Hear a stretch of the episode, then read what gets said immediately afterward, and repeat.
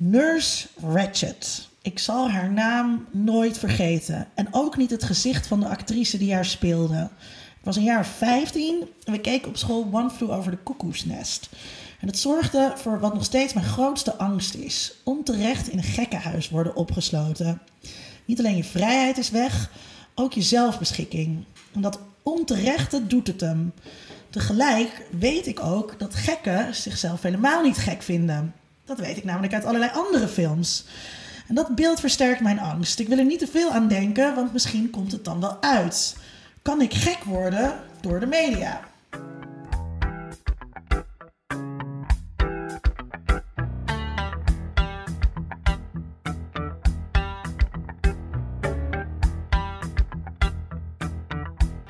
Vanuit Amsterdam is dit Onder Media Doctoren, de podcast waarin communicatiewetenschappers zich verwonderen over de media. Media zijn verbonden met waanzin. Aan elk nieuw medium werden ziektebeelden gekoppeld. Radiotismus voor de radio bijvoorbeeld. En verslaving voor je smartphone. Daarnaast zien we in de media volop representaties van gekken. Van echte gekken en fictieve gekken. En ze leren ons hoe het is om een beeld te hebben dat niet overeenkomt met de werkelijkheid. En ze leren ons om te bevragen of onze werkelijkheid wel werkelijkheid is. Het duizelt me nu al. Onze gast vandaag is professor Dr. Patricia Pisters, hoogleraar filmstudies aan de UvA. En ik denk onze eerste filmwetenschapper als gast. Nee, we hebben wel filmhistorici gehad. Uh, Oh, Clara. Ja, een paar voor het overduin. ja. Maar filmtheoretici. Wat ben, Ja. ben je een filmtheoreticus? Ja, Ja, filmfilosoof wel. zou ik eh, liever eh, willen, willen Ja. noemen. Ja. Nee, volgens Ja. mij is dat de eerste. Ja, onze Ja. eerste filmfilosoof. Superleuk dat je er bent. Eh, je richt je in het bijzonder op neurowetenschap, op psychopa- eh, psychopathologieën, dat kan ik best wel uitspreken. En je geeft een vak over media en madness op dit moment aan de UvA. Eh, Patricia, heb jij een lievelingsgek uit een film? Ah, ik heb er verschillende, maar allemaal. ja. Nou, Eh, niet allemaal, maar een eentje. ehm Eén lievelingsgek is eh Schreber, Judge Schreber. Dat is, al een, eh, dat is eigenlijk de eerste ehm, ja, patiënt met psychoses die zijn eigen verhaal beschreef in een hele mooie roman. En daar is ook een hele mooie film over gemaakt, niet zo heel lang geleden.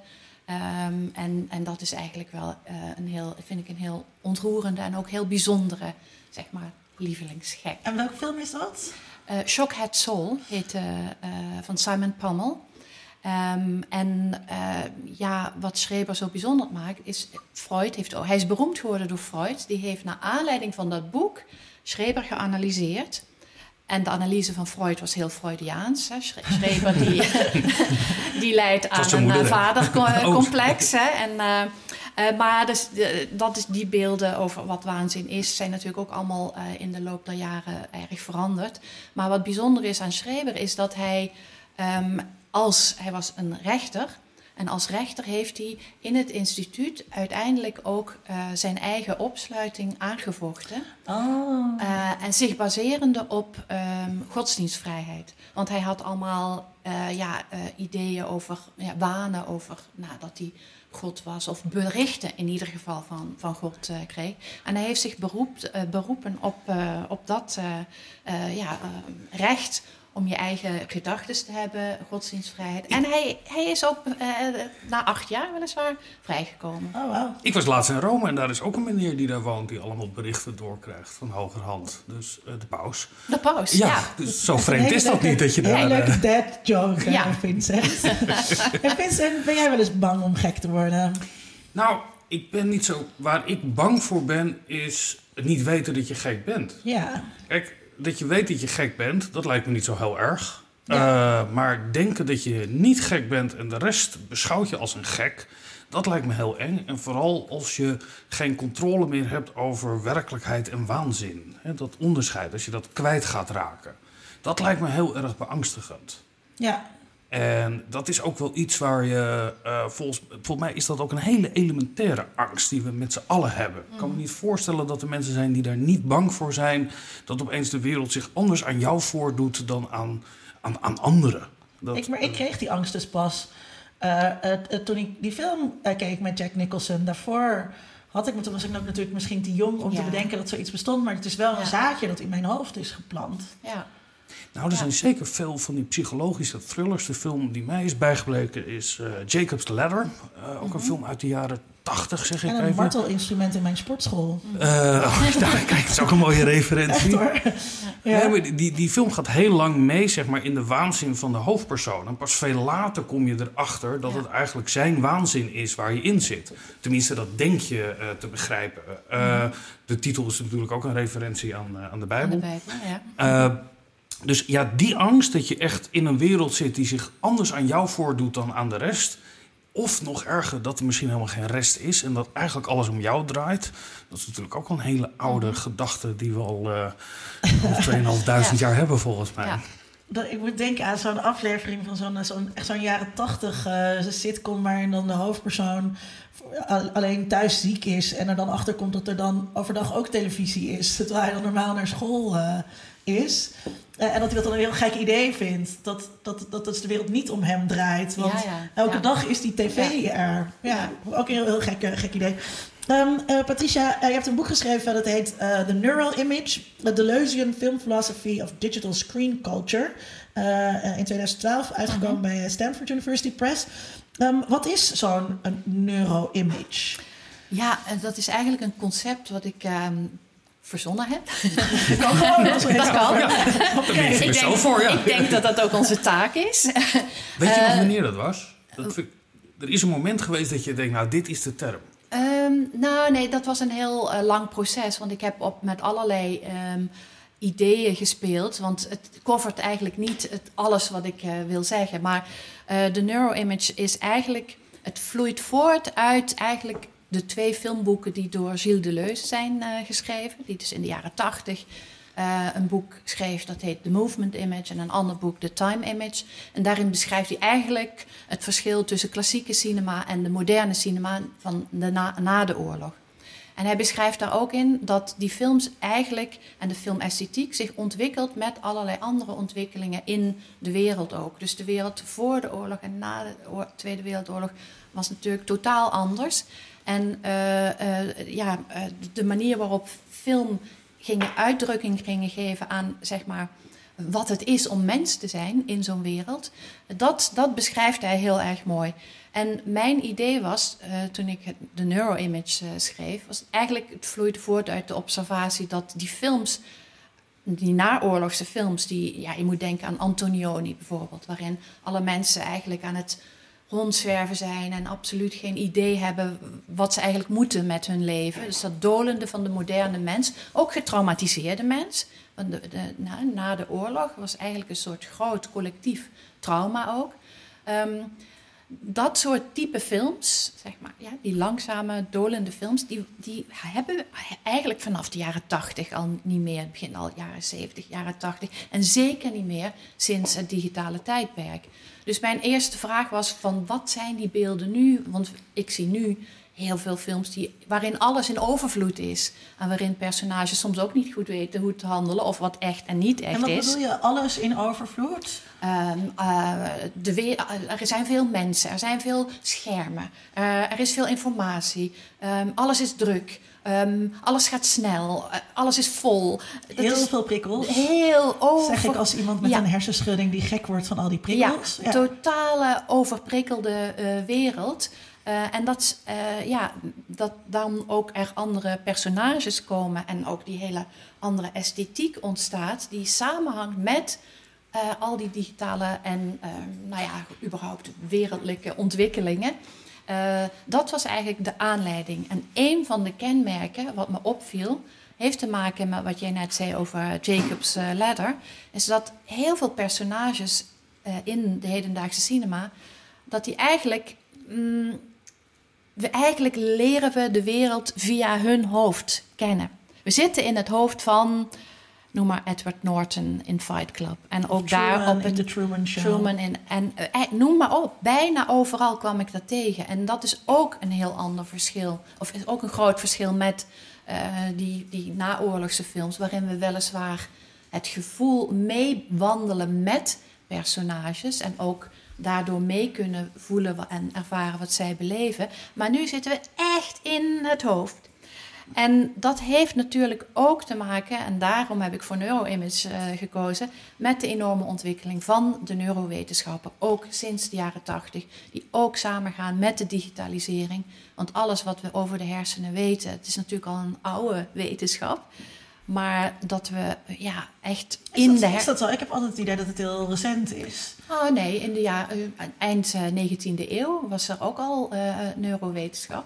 Maar uh, er kon natuurlijk nooit uh, in, in de hersenen gekeken worden, alleen maar postmortem. Ja. Dus, uh, dus, aan een, dus je had de frenologie bijvoorbeeld. Ja, dat in die tijd. Meten. Ja, schedelmeten. Dat was de manier waarop er heel grof van alles werd bedacht. Of ziektebeelden. en dat men dan iemand die afasie had, geen, geen taal meer had en overleed. En dan konden ze na het overlijden zien: oh, maar daar was een heel stuk hier weg.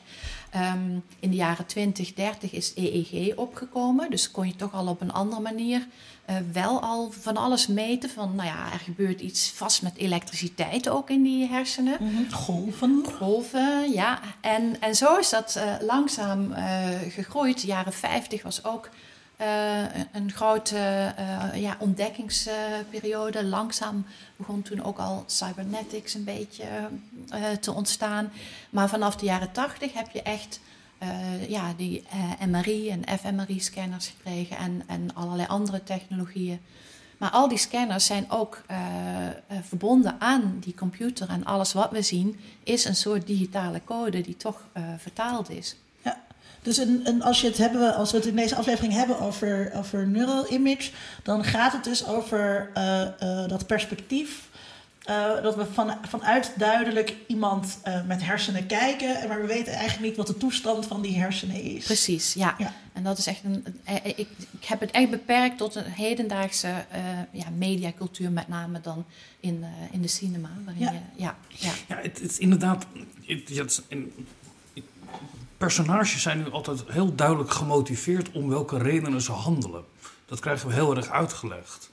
Is dat wat je bedoelt met die Antonioni-films? Tenminste, ook, bedoel je daar ook die Nouvelle Vaak-films mee? Dat mensen ja, ja, ja. van die dolende, ver, zich een beetje ook vervelende... Ja. Uh, dat zie je inderdaad. Uh, ik, ik, ik, ik, kom nu tot dat inzicht.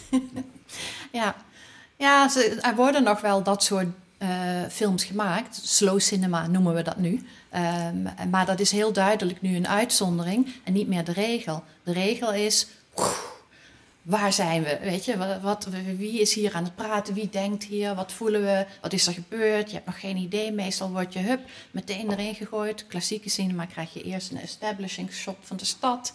En dan het huis en dan de kamer. En dan krijg je alles uitgelegd. Nou, dat hebben we ook al lang niet meer. Jij zit meteen vol in wherever weet, dat, dat moeten we dan langzaam uh, met het personage vaak zelf uh, ook gaan uit, uh, uitvinden. Ja.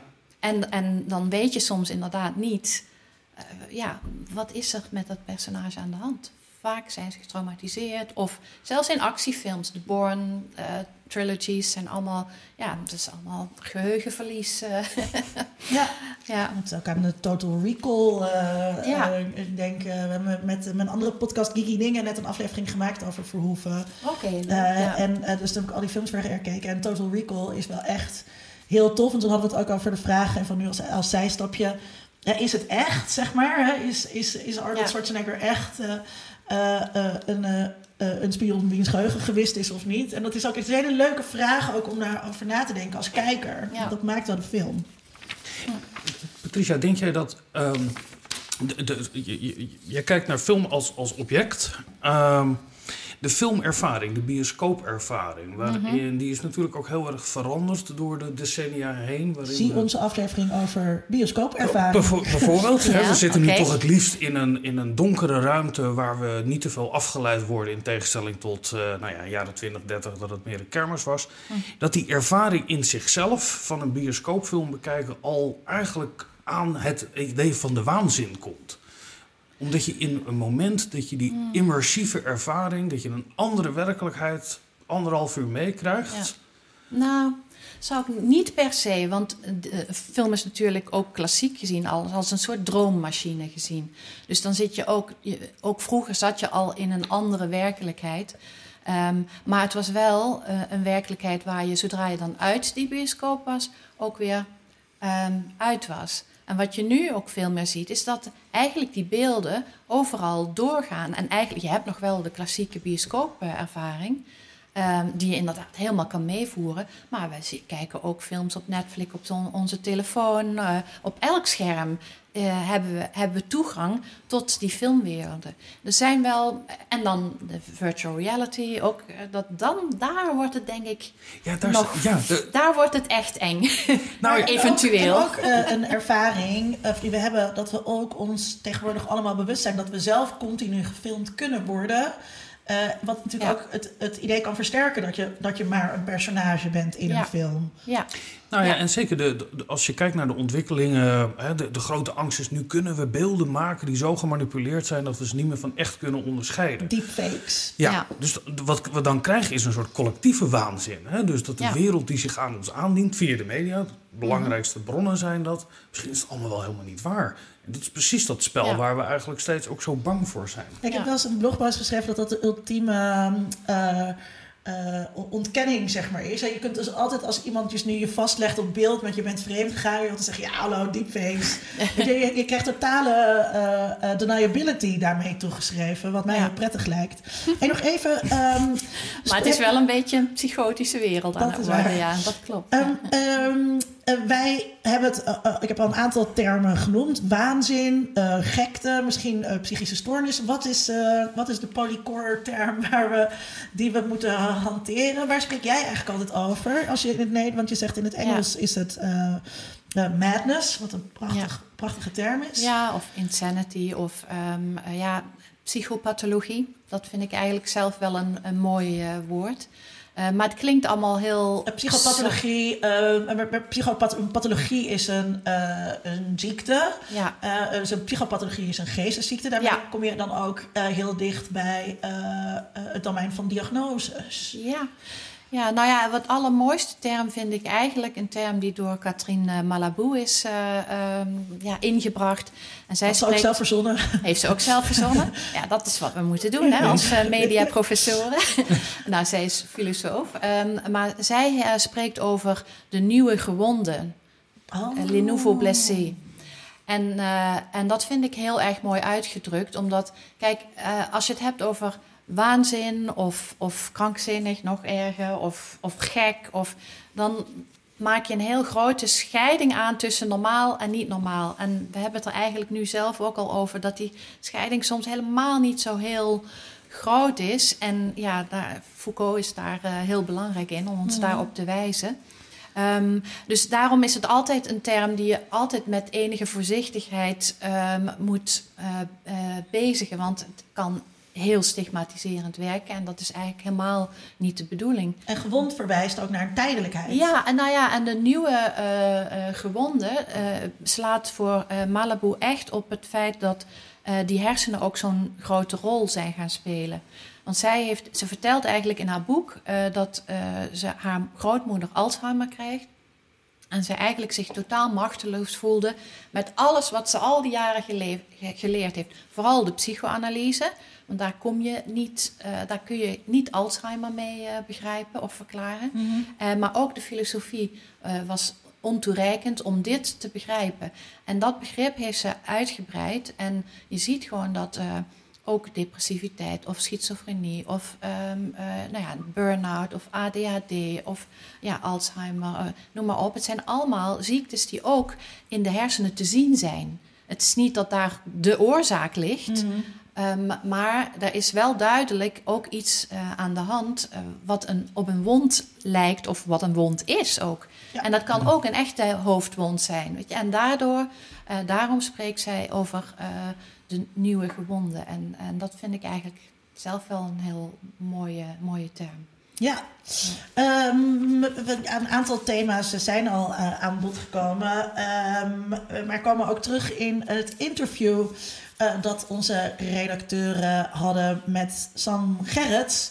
eh, die zichzelf graag voormalig gekkie eh, noemt. Eh, en eh, daar ook mee regelmatig eh, naar buiten treedt in de media. Een interview gemaakt door Tom Aalmoes, die dus eigenlijk weg is, maar gewoon blijft helpen blijkbaar. Eh, en, eh, Dankjewel, Tom. Frederik En, dankjewel Tom. Frederik en Zoner. Hoi, ik eh, ben Sam Gerrits. Ik heb in 2007 een boek geschreven over mijn verblijf in isoleercel. En sindsdien eh, verkondig ik aan iedereen die het wil horen dat ik wel eens gek ben geweest. 2007 heb ik samen met eh, Wouter Kusters, dat is een eh, filosoof, die heeft geloof ik twee keer de Socrates Wisselbeker gewonnen. Heb ik een boek gemaakt over isoleercellen. Omdat ehm, wij er allebei in hadden gezeten en ehm, we vonden de isoleercelcultuur in Nederland heel vreemd, een beetje achterlijk eigenlijk. Ik spreek eigenlijk gewoon het liefst over isoleercellen en, en gek zijn, terwijl de, de professionals zullen het eerder hebben over een separeercel en psychose of wat dan ook. Eh, maar ik hou niet zo van om het taalgebruik van de behandelaar over te nemen, want dan, hè, je weet wat Michel Foucault zei, bij het ontstaan van de psychiater ontstond ook de psychiatrische patiënt. En het beeld wat je hebt van gekken, van eh, schuifelende, kwijlende mensen die een beetje voorover hangen, dat is niet gekte, dat is haldol. Als je haldol gaat slikken, dat beïnvloedt je zenuwstelsel zo dat je zo gaat lopen. Terwijl als je gek bent, ja nee. Ik denk dat we nog ongelooflijk eh, strijd moeten voeren voordat iedereen eh, gewoon vertelt, het vertelt zoals het is. Ik moet denken aan Aafke Romein, die eh, aan het CBR vertelde dat ze in 2012 ooit een depressie had gehad. Zes jaar later. En het CBR eh, heeft haar eh, min of meer haar rijbewijs afgenomen. En het is een grote, grote toestand geweest. CBR-gate noemt Aafke het. En dat is het ook wel een beetje. Maar dat zegt iets over hoe we nog steeds aankijken tegen psychische stoornissen. Terwijl aan de andere kant zie je dat we, ik noem het een beetje het god- en monster-effect. Aan de ene kant wordt het onder het eh, kaartje monster wordt het geschoven. Aan de andere kant ook onder het kaartje god. Want als je kijkt naar Kurt Cobain, Amy Winehouse, dat soort mensen, die zijn allemaal, zo bipolair als een deur. Maar daardoor kunnen ze dingen, hebben ze, ja, hebben ze een beter contact met hun gevoel. En dat is onderdeel van hun talent. En daar lopen we allemaal achteraan, want we herkennen dat. We willen dat onze artiesten een beetje gek zijn. Ik denk wel dat, het soort, dat het wel met elkaar samenhangt dat je extreem veel moeite doet vanuit je gevoel om iets te bereiken. Ik hoef alleen maar te denken aan Anthony Kamerling, die was ook bipolair. En het was geen heel groot talent, weet je. Het was niet een waanzinnig goede acteur of een waanzinnig goede zanger. Toch heeft hij een hit gehad in Nederland ooit. En hij heeft in de grootste soapserie gespeeld en in een goede voetbalfilm of zo. Omdat hij gewoon zo stinkend hard zijn best deed. Omdat hij moest slagen van zichzelf, want anders was hij niks waard. Maar niet alleen artiesten. Je hebt ook een man die heet Ludwig Boltzmann. Dat is de uitvinder van de entropie. Of tenminste, de uitvinder. Hij heeft een soort van ontdekt en voor het eerst mathematisch beschreven. Hij heeft uh, de, de standaard formule ervoor heeft opgeschreven. En hij was zo goed in doseren dat uh, de keizer, keizer Frans Jozef, geloof ik, op een gegeven moment stiekem naar zijn colleges toe kwam om te luisteren. En hij heeft helaas ook zelfmoord gepleegd, omdat hij ja, bipolair was en in een diepe depressie belandde. En zo zijn er wel meer voorbeelden. Het zijn ja, mensen die. En ik, ik zeg niet dat als je bipolair bent, dat je dan ook heel getalenteerd bent. Want dat hangt denk ik niet met elkaar samen. Maar ik denk wel dat als je enig talent hebt en een bipolair gemoed, of een schizofreen gemoed, dat je extra gemotiveerd bent. Eigenlijk gewoon uh, buiten normaal gemotiveerd. Ja, er zitten een aantal elementen in het interview, denk ik, die, die interessant zijn uh, uh, uh, om te bespreken. Patricia, ik zag je ook schrijven. Ja. Wil, je, wil je ergens op reageren of zal ik een vraag stellen? Nou, stel maar eerst een vraag. Maar hij heeft heel veel gezegd waar heel veel, waar heel veel over te vallen is. Ja, ja. Um, ja. nou, een van de dingen um, die ik eruit haal is dat we gekte op een bepaalde manier uh, representeren als, als, als, als abnormaal, mm -hmm. uh, als erbuitenstaand. En dan mag je eigenlijk ook niet meer meedoen. Dat voorbeeld van, uh, van Romein, die dan, die dan haar rijbewijs niet meer mm -hmm. in moet, moet, leveren. Maar misschien zit ik daar nu ook heel erg op, omdat jij dat net zei over die nieuwe gewonden. Ja, ja. Eh, is dat iets waar je op wil aanhaken? Ja, dat kan, eh, nou ja, dat laat inderdaad zien dat eh, het verschil. Daarom zijn die nieuwe gewonden inderdaad zo mooi. Want ehm, het verschil vaak met geestesaandoeningen en een gewoon, nou ja, eh, gebroken knie, is inderdaad dat men denkt dat, dat er eh, ja, geestesaandoeningen niet kunnen genezen. Of dat, dat, niet, eh, dat je daar niet een manier van leven mee kunt vinden. Al- al dan niet of het af en toe terugkeert of niet. Maar dat je gewoon ook eh, normaal of op een bepaalde manier kunt functioneren. Mhm. Dat is iets in de beeldvorming eh, wat, wat echt wel een probleem is. En dat, dat, eh, dat geeft dat voorbeeld eh, heel goed aan. Ja, en je, je wou wat zeggen? Ja, ik, wat, wat, ik, ik hoorde keer iemand zeggen: ja, je kan denken ik en mijn knie of ik en, eh, hè, en mijn elleboog. Maar als je daar gewond bent, dan denk je: ja, het gaat goed met mij, maar mijn knie is kapot. Uh, maar als je gewond bent in je, in je hoofd, daar zit het zijn op een of andere manier. Als je de gek, zoals er hier wordt geschreven, is niet degene die een ziekte heeft, uh, maar dan is hij de ziekte of is zij de ziekte geworden. Nou, wat, wat Sam ook, uh, heel veel hartjes trouwens voor, voor Sam, Sam is een vriend van mij. Mm -hmm. wat Sam ook zei, mensen hebben een beeld van gekkies, om even in Sam's woorden te blijven, van de kwijlen en zo. Maar dat is niet de gekte, dat zijn de medicijnen. Uh, die je krijgt. Ja, maar dan is het over de persoon, is dat dan geworden? De persoon, de, maar ook ja. de persoon wordt vereenzelvigd met, met de ziekte. En, ja. maar, en, maar eigenlijk wordt er dus vereenzelvigd met de medicijnen die die slikt. Ja, maar je, zag, je weet al in het begin van de 20e eeuw, dat weet Patricia nog veel beter dan ik. Uh, dat nog veel, veel beter. Nog veel beter dan. Uh, dat gekte moest iets, uh, was iets wat in toom gehouden moest worden met, met dwangbuizen en ijsbaden. En er zat een soort animaliteit ja. in, wat uh, kort ja. gehouden moest worden en ingeperkt. En toch zit dat, dat doen we nu niet misschien met ijsbaden en, en dwangbuizen. Al denk ik dat die nog steeds wel bestaan. Nee, dat, dat, doen we nu, dus. dat doen we nu met medicatie. Ja, maar goed, dat, hij noemde net, uh, Sam noemde net Foucault. Ik denk dat dat ja, een heel, zelf nu even over Foucault heel ja. belangrijk... Uh, hij heeft, Foucault heeft The History of Madness geschreven, een heel dik boek, waarin hij laat zien dat elke periode eigenlijk zo zijn eigen opvattingen heeft over wat waanzin en wat gekte is. En uh, wat jij net noemt van de, hè, de, de ijsbaden en mensen in dwang houden, hangt eigenlijk samen met een hele grote verandering in de, op, in de opvatting van wat waanzin en gekte is. Eind 19e eeuw, uh, ongeveer nou al iets eerder, um, uh, waarin eigenlijk waanzin gemedicaliseerd werd. Um, want daarvoor, kijk, in de middeleeuwen hadden we overal de dorpsgek en die hoorden er gewoon bij toen hebben we een hele periode gehad, ook in de verlichting, dat uh, mensen die gek waren of zich anders gedroegen, uh, als beesten of monsters werden gezien. Daar, daar heeft hij het uh, ook over. Buiten de samenleving. Buiten de samenleving werden geplaatst, ver, ja. ver weg. En ook vaak nog geboeid en in kooien. En echt totaal verschrikkelijk onmenselijk. En uh, op een gegeven moment zijn echt letterlijk de ketenen uh, uh, onder invloed ook weer van allerlei kwekers en, en religieuze personen, zijn gekken als mensen weer beschouwd. Maar tegelijkertijd is toen ook de medicalisering opgetreden en dachten we nee, dit is een ziekte.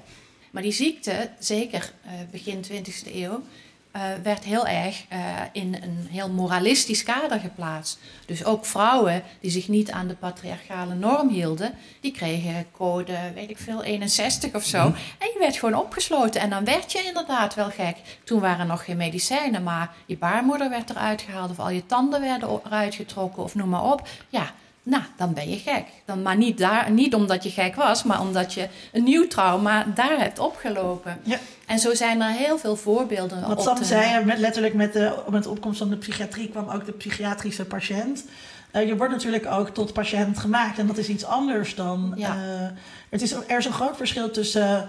Uh, gek zijn en inderdaad met, een, met, een, met wanen bijvoorbeeld rondlopen in de maatschappij en psychiatrisch patiënt zijn. Er zit ja. een grote uh, ja, ik, ik identiteitskloof ook tussen. Ik wil niet zeggen dat uh, alle uh, psychiaters dat, dat, dat het allemaal onzin is. Hè? Dat, ik denk er zijn echt wezenlijke problemen en ook mensen moeten, hebben ook soms echt hulp nodig. Dus dat moeten we even voorop zetten. Maar als we in het Foucauldiaanse perspectief kijken, dan zie je dat daar inderdaad, ja, dat het niet puur je wezenskenmerk is, maar dat het heel vaak te maken heeft met allerlei maatschappelijke ontwikkelingen, met normen, normen en en waarden. Homoseksualiteit heeft tot de uh, 1977, geloof ik, of in de DSM.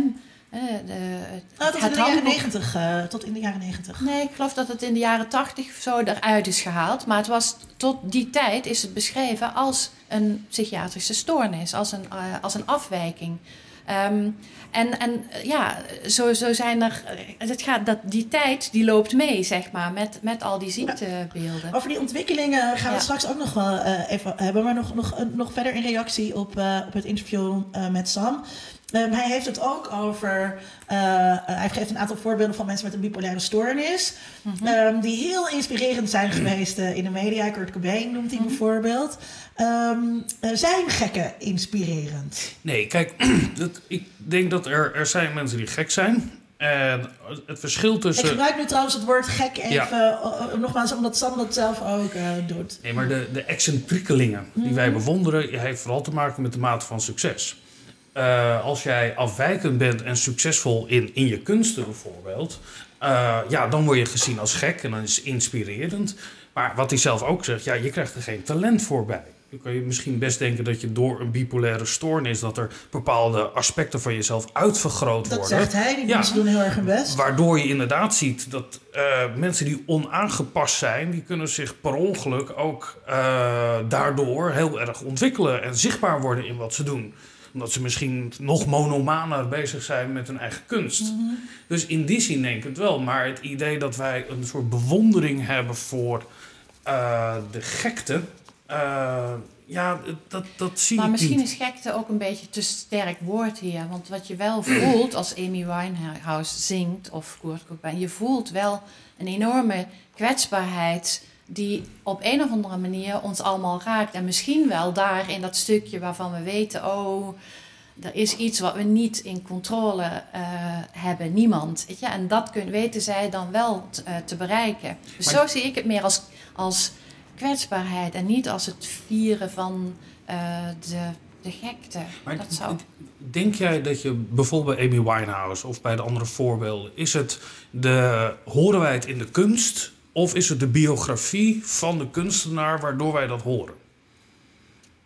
Nee, ik denk dat je dat ook echt hoort in, in de kunst, ja. En natuurlijk, als je dan een documentaire over Amy Winehouse of over Kurt Cobain ziet achteraf, dan begrijp je dat nog allemaal veel meer. En zit er ook iets heel tragisch uh, in, in.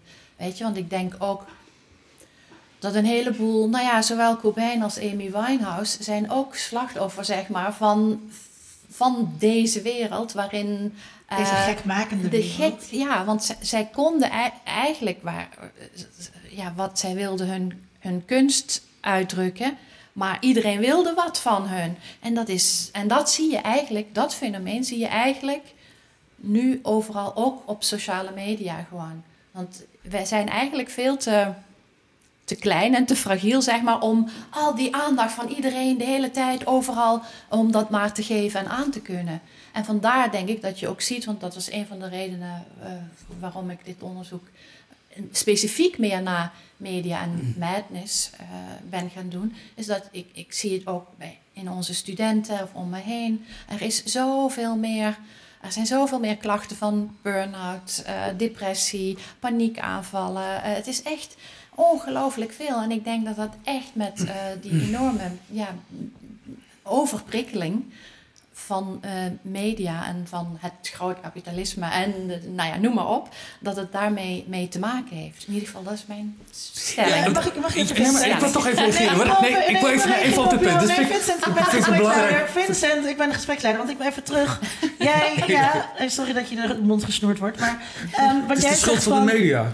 Want het, uh, komt het... Nee, uh, dat zeg ik niet. Zijn, horen we het in de kunst of zit het in de biografie? Ik denk dat we het hoorden in hun kunst... En daardoor nieuwsgierig werden naar die biografie. En dat we, hè, dus we hoorden altijd in die muziek van Amy Winehouse en van Kurt Cobain dat er iets was. En daarom werden ze ook zo populair. En toen ze zo populair werden, gingen wij ook snakken naar, dat, naar die biografie en naar het verhaal. En ook wel naar de lijdensweg. Hè? Dus er zit ook een soort verlustiging in aan ja. die. Ik, vond me, ik voelde me ja. heel vies nadat ik die Amy Winehouse documentaire had gekeken. Ik voelde me echt ja. een soort nare voyeur. En eh, wat jij dan zegt, Patricia, van ehm, eh, ook als je kijkt naar studenten en die constante druk Mhm. eh, eh, die ze voelen, is ook een soort constante druk om dus ook een biografie te hebben. Ja. Om eigenlijk al, terwijl je nog maar heel jong bent, ik kijk Marijn even aan, die is 20. en je bent 20 om nu al een biografie te hebben. En nu al een soort metaverhaal over je leven. Dat past bij al die Instagram-beelden die je de wereld Ja. instuurt. Ja, en ook toch min of meer perfect zijn. Hè? Dan- Gewoon heel veel likes, heel veel...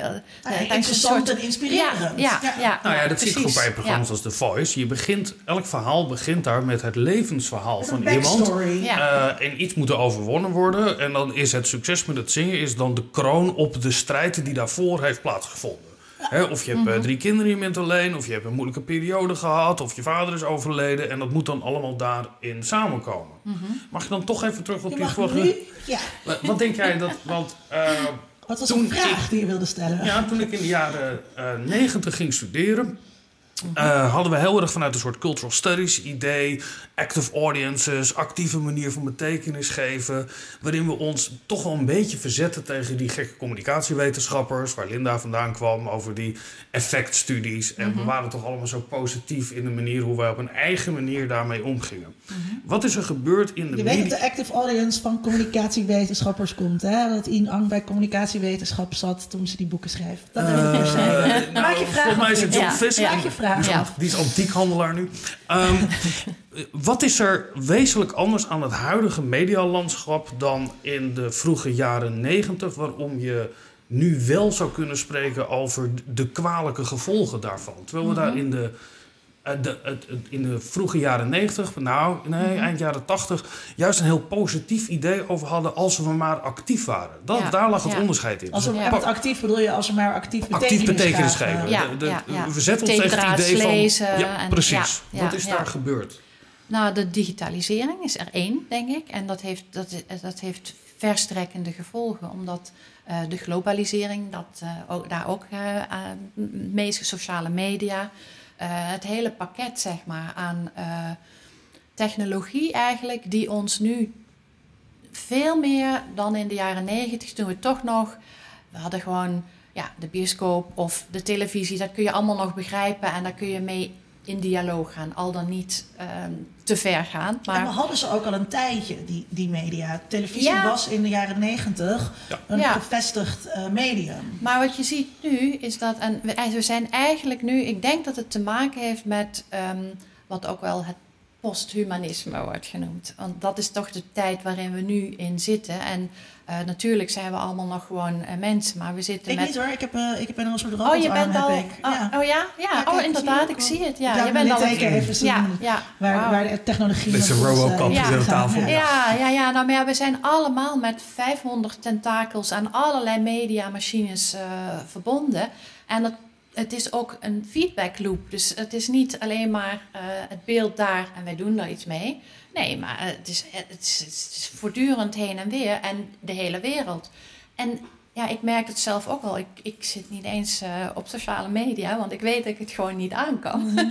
Eh, maar alleen al mijn e-mail komt of uit de hele wereld. Krijg ik dagelijks berichten waar je overal op moet reageren of denkt moet reageren. En als je het dan een keer niet doet, dan komt het toch als een boemerang weer terug. En, en dat heeft zich zo exponentieel eh vermenigvuldigd. Gewoon big data, alle algoritmes. De, eh, het, zijn, het gaat boven het menselijke. Het, echt, het is echt post-human. En ik denk dat daarom, ik denk dat daarom ook wat wij gekte noemen, of psychopathologieën, dat dat een manier zijn voor ons om ook collectief, zeg maar, eh, daar manieren voor te vinden om mee om te gaan. Dus het is ook, ehm, ja, het is, het, het is eigenlijk naar de grens toe gaan en dan kijken wat er dan, dan gebeurt. En ik, ik denk dat, ja, dat is een van de manieren waarop die, ik die New Wounded... en ook al die personages en al die films en televisieseries... Mr. Robot is een andere favoriet van me... Die, die, waar, waarin je heel duidelijk ziet dat het ook een vorm is van verzet... en proberen omgaan met. Ja, maar dat is wat ik Ja. net zei van eh, in de jaren 90 was televisie een gevestigd medium. Ik denk dus ook heel erg als het gaat over eh, sociale media en ik, ik, ik eh, ben natuurlijk zelf vaak in de media als deskundige daarover. dat we inderdaad zoekend zijn naar vormen om dat een plek te geven. En ik verwacht dan ook dat, al, dat wij als we in de jaren 40 zitten van de 21ste eeuw, dat we dan terugkijken op deze periode en zeggen, ja, toen waren we zoekend en nu ja, is dat gevestigd en dan hebben we dat een plekje gegeven. En dan kijken we ook naar die, ehm, eh, die gekke aandoeningen, zeg maar, die wij Ja. nu hebben. Want ik vond dat dus zelf een van de leukste dingen, dat radiotismus, wat ik dus in de inleiding ehm, eh, noemde. Ehm, eh, dat dat verwees dus naar toen de radio er, er net was. En het zijn twee aandoeningen, als ik het nu even goed uit mijn herinnering zeg. Eerst ging het over de... eh, omdat mannen die zaten dan op zolder, want zo'n radio moest je zelf in elkaar zetten. Die mannen zaten dan op zolder en die waren dus gescheiden van het gezin. Daar- radioamateurs, ja. daar raakte dus, dus, dus, eh, eh, dus een sociaal isolement van en daar was een probleem mee. Maar ook, je hoorde de stemmen door de radio. En Ja. ehm, eh, die displacement, zeg maar, tussen Mhm. wat je hoort. En, en dat was dus een aanzet tot schizofrenie. En nu, als je daarover denkt, denk je, ja, die gekke mensen toen. Nee, die waren naïef, die snapten het niet. Maar je kan heel goed begrijpen dat als er zo'n nieuw medium is... wat heel disruptief was toen in, in die tijd. hè, Dus het, Ja. het, het bracht van al, deed van allerlei dingen met die huishoudens, met die families die eh, rondom de, in één keer rondom de radio gingen zitten. En nou ja, dat kan je wel bedenken. Dat dat uiteindelijk, denk ik ook met de sociale media, dat, eh, ja, dat, dat, dat stabiliseert zich. Ja, het is waar dat ook de televisie bijvoorbeeld is ook eh, zo'n medium geweest waarvan mensen opeens dachten: oh, hè, wat die media, al die communicatiemedia doen, is eigenlijk de grens tussen wat privé in je hoofd zit en wat publiek is, dat dat een beetje eh, op zijn kop wordt gezet. En in- wat je zag bij de introductie van de televisie ook, was dat mensen echt dachten: oh, de televisie praat naar mij, He- heeft het over mij. Ja? En, eh, en- of omgekeerd, wat ik denk, wordt meteen uitgezonden op televisie.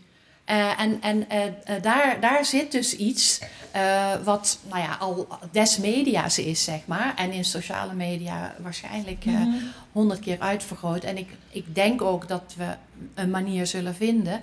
Alleen wat er nu nog bij komt, denk ik, en waar, we, waar ik niet weet waar het naartoe gaat, en, is dat we ook veel en steeds meer te maken zullen hebben, of hebben al, met artificial intelligence. Ehm, en hoe dan het onderscheid tussen echt en niet echt. We zien alle politieke crisis die dat allemaal oplevert. We zullen ook echt nieuwe manieren van denken moeten vinden om, om daar mee om te gaan. Want we kunnen het straks echt niet meer vertellen, denk ik. Nou, dat- dat- eigenlijk nu al niet meer. Ja, dat vind ik dat is inderdaad een grote zorg. Want als je kijkt naar de introductie van die technologieën, eh, ook televisie voordat het televisie was, ik heb er ook wel eens over geschreven, dat ging altijd ook gepaard met iets magisch. Hè, eh, In jouw stel je heb je het over televisie, Ja. ver kijken, glazen Ja. bol. Wat, wat was er nou spannender als je een antenne op je dak zette en je zou dan andere dingen oppikken dan wat er werd uitgezonden? Of wat Ja. eigenlijk ergens anders vandaan kwam. Eh, ik, ik moet ook nu denken aan de film Poltergeist, waar een klein ja. meisje dan naar zo'n statisch eh, ruis zit te kijken en dan gebeuren er allemaal dingen. Dat is iets wat heel lang aanwezig is, maar nu is er iets heel wezenlijk anders aan de hand. Denk ik dat die hele constructie van waarheid en geen waarheid, die zat er altijd in. Ook in de discussies over televisie. Dit is niet waar, dit is wel waar. Radio ook, of de was het verkeerde zeil die iets ging zeggen. Dat werd dan steeds weerlegd. Nu zie je dat er op hele fundamentele punten bepaalde instituties... door die aanwezigheid van sociale media en de overdaad waarin dat plaatsvindt... niet meer gaat over dit is waar of dit is niet maar... maar dat de overdaad daarvan en de omnipresentie daarvan... het helemaal niet meer relevant maakt om die discussie nog met elkaar te kunnen voeren. En dat vind ik wel heel erg hard gaan in de afgelopen jaren, waarin, nou, of we het nou fake news noemen, of de constructie, of artificial intelligence, eh, algoritmes. Dat brengt je wel eens als gebruiker en ook als bij in een soort psychotische staat van wat is dan waar? Nou, was, er kwam, vorige week was in het nieuws dat, eh, dat de Facebook content moderatoren, of nee, YouTube eh, content moderatoren, ehm, die dus lang dat werk hadden gedaan, eh, eh, allemaal eh, waren gelo- gaan geloven in complottheorieën. Omdat ze zo vaak dus dat soort Ja. filmpjes moesten verwijderen. Dus bij wijze van spreken waren die dus allemaal flat earthers Ja. geworden, omdat ze zo blootgesteld werden aan die boodschap. En dat is toch wel inderdaad, breng je, breng, brengt ons terug bij die klassieke communicatiewetenschap. Het idee van de injectienaald. En ehm, Patricia, eh, je hebt sowieso heel veel nagedacht over de, de, de relatie eigenlijk tussen de ontwikkeling van moderne geestesziekten.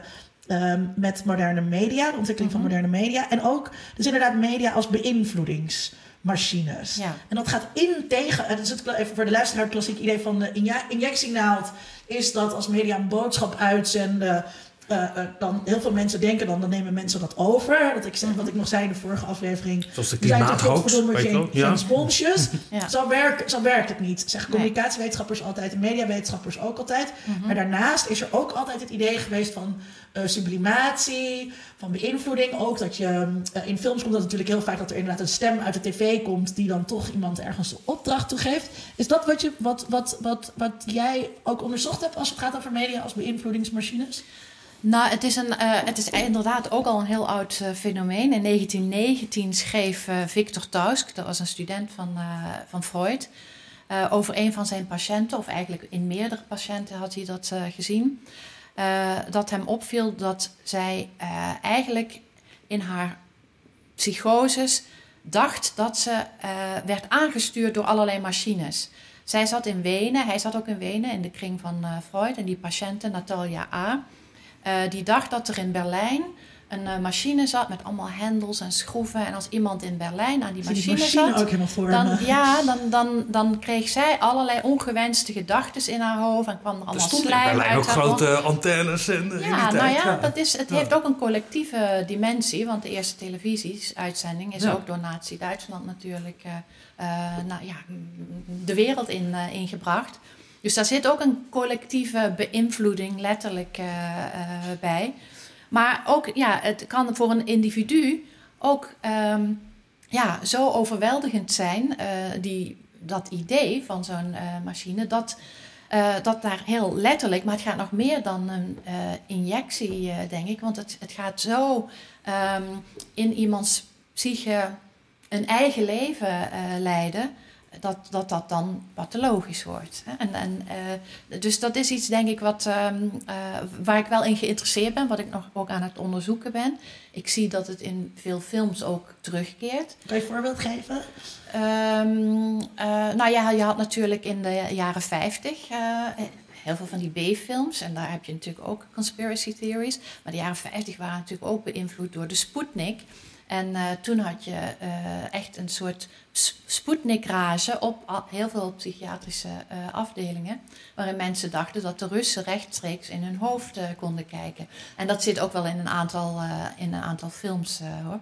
En natuurlijk zit je bij het horrorgenre, waar je daar ook Poltergeist, noemde je eigenlijk net al. Ehm, ehm, maar wacht, nog Videodrome, even. Je zegt ook ehm, eh, dat is op allerlei psychiatrische afdelingen. Dus is één keer in de mode werkt. ja, ja, zeg maar, ja, om te zeggen van daardoor komt het. Dat heb ik een keer gelezen. Dat dat inderdaad, nee, dat het gewoon als term terugkeert in de beschrijvingen van psychoses. Maar ik zou graag, en dat heb ik dus nog niet gedaan, wel ook onderzoek doen in, eh, in, na- naar eh, patiëntenverhalen. Om te kijken wat, eh, wat dan, eh, of inderdaad die media, of er nu ook andere media zijn, die zo'n sterke eh, invloed hebben. Ehm, En, dus ook, dat is- en ook, dat, is, dat, is, dat weet ik in ieder geval uit, uit pop, onderzoek naar popmuziekeffecten. Ehm, je hebt ook mensen die bepaalde misdaden be- zijn begaan. eh, en die dan zeiden, ja, eh, the media make me do it. Weet je wel, het kwam Ja. doordat ik deze muziek luisterde. En dat is Ja. natuurlijk een excuus wat het ook goed doet. ja. Eh, dus het kan ook heel aantrekkelijk zijn Ja. om het op Ja, de media te schuiven. Het is heel overtuigend. Copycats is natuurlijk zo'n fenomeen eh, ook. Wat, Ja. Daar hebben ook een aflevering over gemaakt. ja, Nee, ik zag een is- documentaire over Ted Bundy. Eh, toch een hele beroemde eh, seriemoordenaar. Die als verklaring gaf, twee uur voor zijn executie... ja, het kwam allemaal door de porno, waardoor ik dit heb gedaan. Ja, ja, Dus het is, een, het is wel een continue overweging om de media daarin te benoemen. Heb je het idee dat eh, mensen nu, je refereerde aan studenten, ik herken dat ook... eh, ook dat begrip hebben van, goh, mijn, mijn, mijn onbehagen of mijn ongelukkigheid of mijn depressie eh, komt rechtstreeks ook door mijn mediagebruik. Eh, nou, ik denk ook sowieso dat het nooit helemaal alleen maar rechtstreeks is. Hè? Ik denk de media zijn een grote factor. Dus ik denk niet dat we dat zo'n één op één relatie kunnen eh, leggen. Maar ja, in mijn eh, werkgroepen met de afgelopen drie jaar heb ik die Media Madness eh, eh, gehad. En daar heb ik het met studenten daarover gehad. En velen herkennen dat wel. Vooral het idee van dat je altijd eh, ja, het beste van jezelf moet laten zien. En eh, dat eigenlijk overal ja, post van mo- moeten komen. Dus dat je eigenlijk nauwelijks nog tijd hebt om, ehm, ja, om, om echt eigenlijk te leven, zeg maar. Dat je maar bijna in die telefoon leeft. Dus dat uh, in ieder geval in gesprekken met uh, studenten um, wordt herkend. Uh, ik zie ook dat er ook filmmakers bezig zijn die dit fenomeen ook steeds meer aankaarten. Bijvoorbeeld Tagged is zo'n online ehm, korte film waarin dat ook, ook ja, echt centraal staat. En je ziet ook dat er heel veel, ook in de media, aandacht is Afgelopen jaar was er op televisie een hele depressieweek. Elk programma ging eigenlijk over dit soort onderwerpen. Je had True Selfie, een programma waarin dus ja, mensen eigenlijk zichzelf selfies uitgenodigd worden om selfies te maken of een videodagboek bij te houden, waarin het juist niet goed met hen gaat. En dat dat dan ook weer besproken wordt uh, uh, en aan therapeutisch kan werken. Dus ik wil eigenlijk, wat ik denk, is dat die media zowel um, hè, het, uh, het, vergif zijn als het medicijn. Dus de ja. farmacon van, van Derrida. Um, en, uh, en ik zie daar wel steeds meer bewustzijn zeker ook uh, over komen. Ja. Want ik denk inderdaad dat die. Kijk, vroeger konden we nog bij spreken over televisie. Je moet minder televisie kijken of geen slechte programma's kijken. Maar nu de optie, we kunnen daar helemaal uit, lijkt helemaal niet bespreekbaar te zijn. He, nee, het is, is ook heel moeilijk. Ja. Om, dat kan ook bijna niet. dat is toch een heel wezenlijk ja. verschil met andere mediagebruik van vroeger. Waarin ja. je de radio wel kon uitzetten als je gezin bij elkaar wilde We hebben een hele tijd gehad, dat, godzijdank is dat voor, voorbij, dat uh, een maand zonder sociale media, een jaar zonder dit, dat vond ik dan altijd heel hysterisch. Dat je zegt ook niet, uh, ik ga een, een, jaar zonder tijdschriften lezen. Maar waarom vond je dat hysterisch als mensen daar uh, echt last van hebben? Omdat je, je moet je dan de vraag stellen wat het is op die sociale media waar, waar je dan zo last van hebt of wat dan het probleem is. Uh, dus je hebt dan een boek een maand zonder internet. Nou, ja. Die jongen die liep gewoon helemaal vast, want die kon ook niet meer op Blackboard. En die kon niet meer internetbankieren. En dat zijn natuurlijk niet de dingen waar we het hebben over. Nee, uh, of, nee. of, weet je, ik bedoel, verkeerslichten gaan ook op internet. Ja. Uh, de zelfscan bij de Albert Heijn is ook aangesloten op internet. Dus, dat, ja. dus je moet heel goed mensen zouden er goed aan doen om beter na te denken. Wat bedoel je dan met die sociale media? Is het uh, de aandacht die je daar krijgt? Of is het gewoon ook uh, het communicatiemiddel? Het is heel gek om je, om je telefoon een week lang niet te gebruiken. Want je wil, je wil met mensen communiceren. Dat is eigen aan de mens. En ja, het is heel moeilijk om nog de telefoon te pakken. Of uh, ja, dat is ook al hetzelfde apparaat. Uh, of, of een brief te schrijven. Ja. dat dat, uh, dat is bijna niet meer. Zie je ook dat mensen Linda klaagt altijd over dat jonge mensen nooit willen aanbellen bij een deur. Maar gaan bellen dat ze voor de deur staan. Want... Nee, niet bellen, appen. Appen, ja. Ik ga niet bellen nee, natuurlijk. Nee, zeg, ik, ik een appje, ik ben er. Ja, ja. maar aan. Nee, maar dat, dat, dus da daar, daarom vind ik dat, dat iets raars. En ook dat het idee dat als je het jezelf onthoudt, als je, dat, dat, als, als je dus een week of een maand of whatever voor afsluit, dat je dan meer grip op het fenomeen krijgt of een beter begrip uh, ja. krijgt van het fenomeen. En ik denk dat dat helemaal niet zo is. Nou, misschien wel even als een soort uh, uh, ja, therapeutisch moment. Dat je door het even niet te doen, je veel beter kunt zien wat je wel mist en wat je niet mist. En wat je ook terugkrijgt. Want dat hoor je ook wel vaak, met dat opeens nieuwe dingen zich openen. Um, maar ik denk ook niet dat daar één groot één recept is, voor is. Dus dat, dat kan, en, en helemaal, dat kan eigenlijk denk ik niemand meer. Ja. Maar er, ja, er is wel een andere. Ik, ik begin altijd mijn colleges altijd met um, te vragen aan de studenten wat hun favoriete quote is, of, of een favoriete film waarin dit soort zaken aan de orde komen. En um, de mijne die ik dan altijd inbreng, en dat is er een die eigenlijk een soort tegeltjes uh, wijsheid, mm. komt uit The Beautiful Mind. Het gaat over uh, uh, John Nash, de beroemde wiskundige.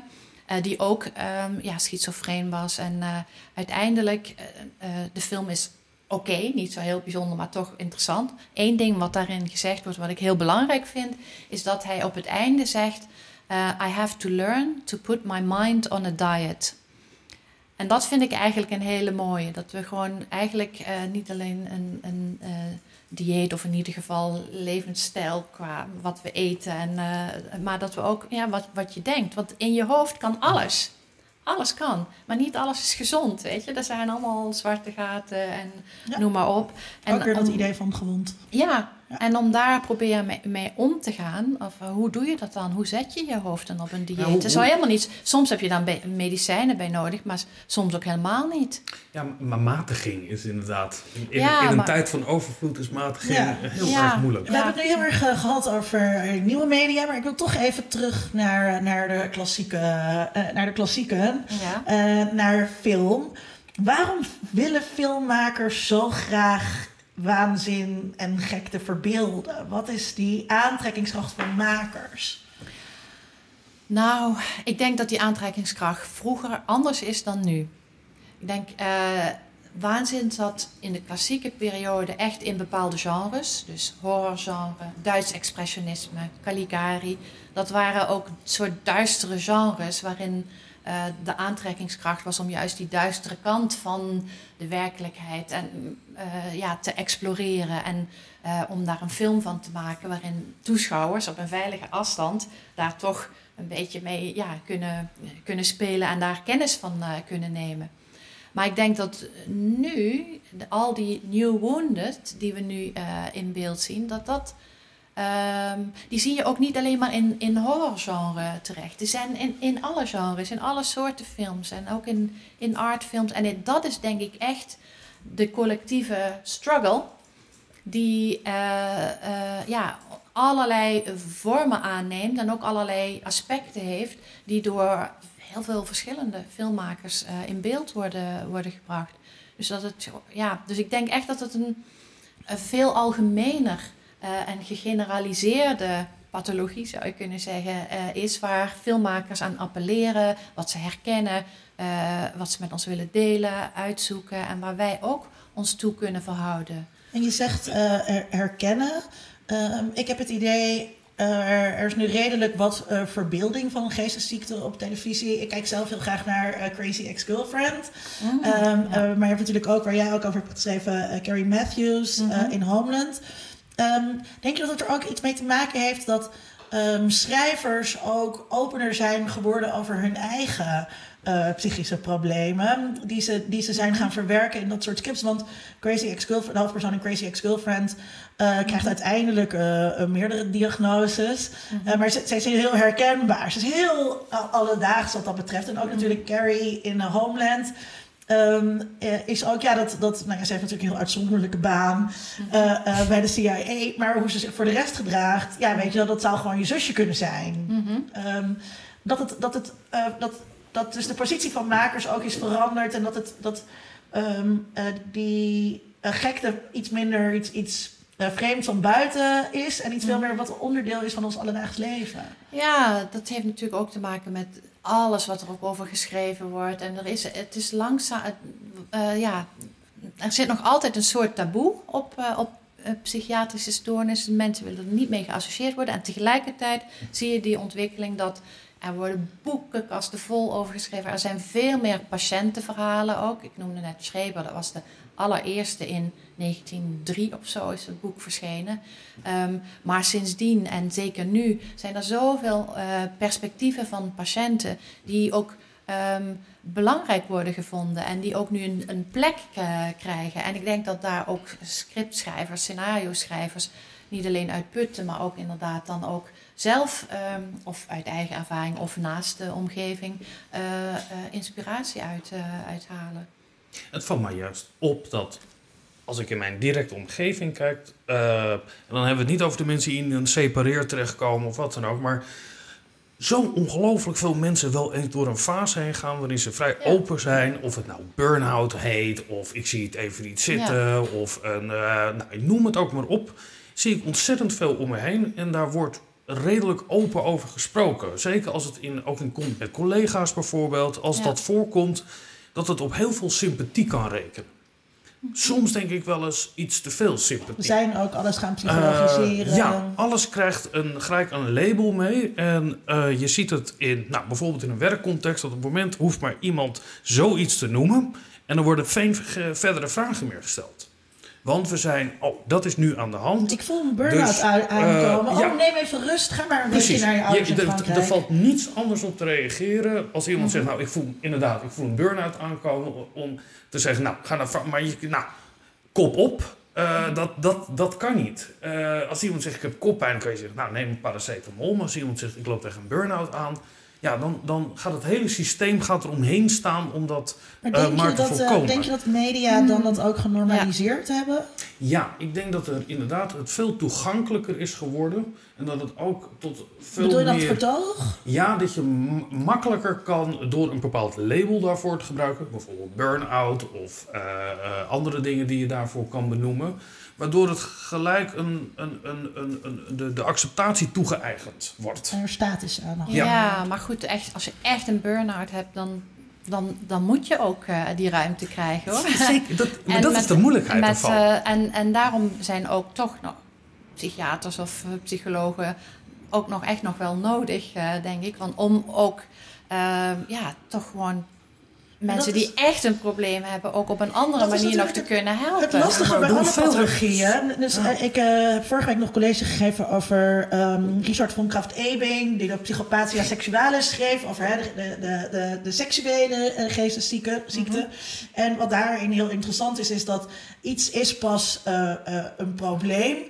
Uh, als, als je dus bijvoorbeeld heel erg van uh, voeten houdt mm -hmm. uh, en dat geil vindt, dan is dat pas een probleem als het, een, niet, als het het hoofdbestanddeel van de seks wordt. Dus als het in het voorspel, je bent een beetje voeten aan het masseren of wat tenen aan het likken, dan is het prima. Mm -hmm. Maar je krijgt pas de diagnose voetfetischist als dat je hoofdopwinding wordt. En met al die pathologieën, al die psychopathologieën, is het zo dat het is altijd een gradatie. Mm -hmm. Het is nooit een dichotomie. En griep heb je of griep heb je niet. Ja. Ja, en, op het en, moment en dat het, is het ja. allemaal, we hebben het allemaal een beetje in ons. En er is dus blijkbaar een grens die je over kunt gaan. Waarmee je naar die andere kant gaat. En de enige eigenlijk die, eh, eh, die dat, die, of degene die dat bewaken zijn de psychologen en de psychiaters die jou een diagnose kunnen geven. Ehm, eh, maar heel veel andere mensen maken er aanspraak op. Dat is wat je eigenlijk Ja, zegt. dat vind, ik wel, dat vind ik twee verschillende Ja, dingen dat is eigenlijk een wel. heel hoor. kwetsbaar ding. Ja. Ehm, nou, bijvoorbeeld de hoeveelheid mensen die coach zijn of naar een coach gaan. eh, Die daar met hele elementaire levensvragen komen over... Nou, ik weet niet, ik voel me gewoon niet zo gelukkig. Of ik weet niet wat ik met mijn leven aan moet. Ehm, dat is dan een eerste stap. Eh, ik vind dat een wezenlijk ander ding dan mensen die een psychiatrische stoornis hebben. Maar dat Ja. onderscheid daarin, om daar met elkaar een gesprek over te voeren, waar ligt die grens? En hoe gaan we het, het hoe, hoe, hoe maken we dat, een, een onderscheid in het narratief over een psychisch niet goed, eh, psychische onwelheid tussen een stoornis en het zit gewoon even tegen in je Nou, leven. vroeger, we hebben Ja. natuurlijk een mooie geschiedenis van macht van psychiaters. En die gebruikten die macht ook heel eh, sterk.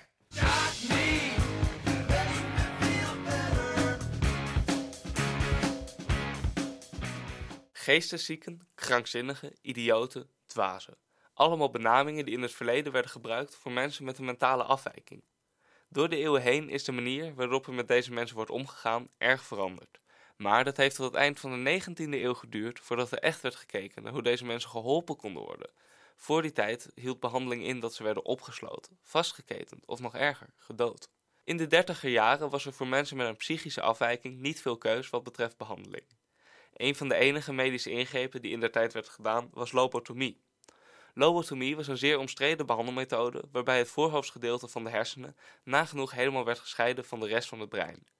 Deze ingreep bleek effectief omdat patiënten zich na de behandeling anders en rustiger gedroegen.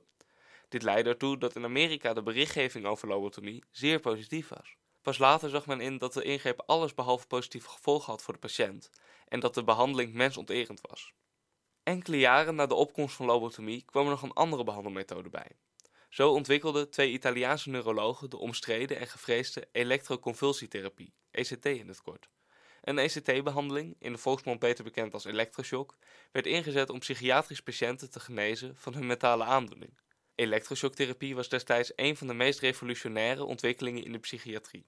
Er is in die tijd volop geëxperimenteerd waarbij vele onnodige slachtoffers vielen, met als gevolg dat er in de media en in de samenleving veel sceptisch en wantrouwen was ten opzichte van de psychiatrie. Dit wantrouwen werd in de decennia daarna versterkt door het experimentele imago van medicatie voor mentale aandoeningen. In de film One Flew Over the Cuckoo's Nest uit 1975 is te zien hoe Randall McMurphy, gespeeld door Jack Nicholson, een onverdoofde elektroshock ondergaat. Het schrikbeeld van deze mensonterende behandeling wordt tot op de dag van vandaag in de media en in de samenleving geassocieerd met ECT. Wat de psychiatrie betreft is dat onterecht. Tegenwoordig is er veel meer kennis over wat een ECT precies doet. Een patiënt krijgt onder narcose een korte stroomstoot waarbij een epileptische aanval wordt opgewekt om het brein als het ware opnieuw op te starten. Elektroshocktherapie wordt vandaag de dag enkel gebruikt voor mensen met een zware psychotische depressie en wordt gezien als de meest veilige en effectieve behandelmethode. Wel zijn er gevallen van mensen die na een ECT-behandeling last hebben gekregen van ernstig geheugenverlies en heeft het niet voor iedereen het gewenste effect. Het kan dus een uitkomst zijn, maar lang niet voor iedereen. Of de controverse rond elektroconvulsietherapie in de media en in de samenleving ooit echt zal verdwijnen, is dus nog maar de vraag.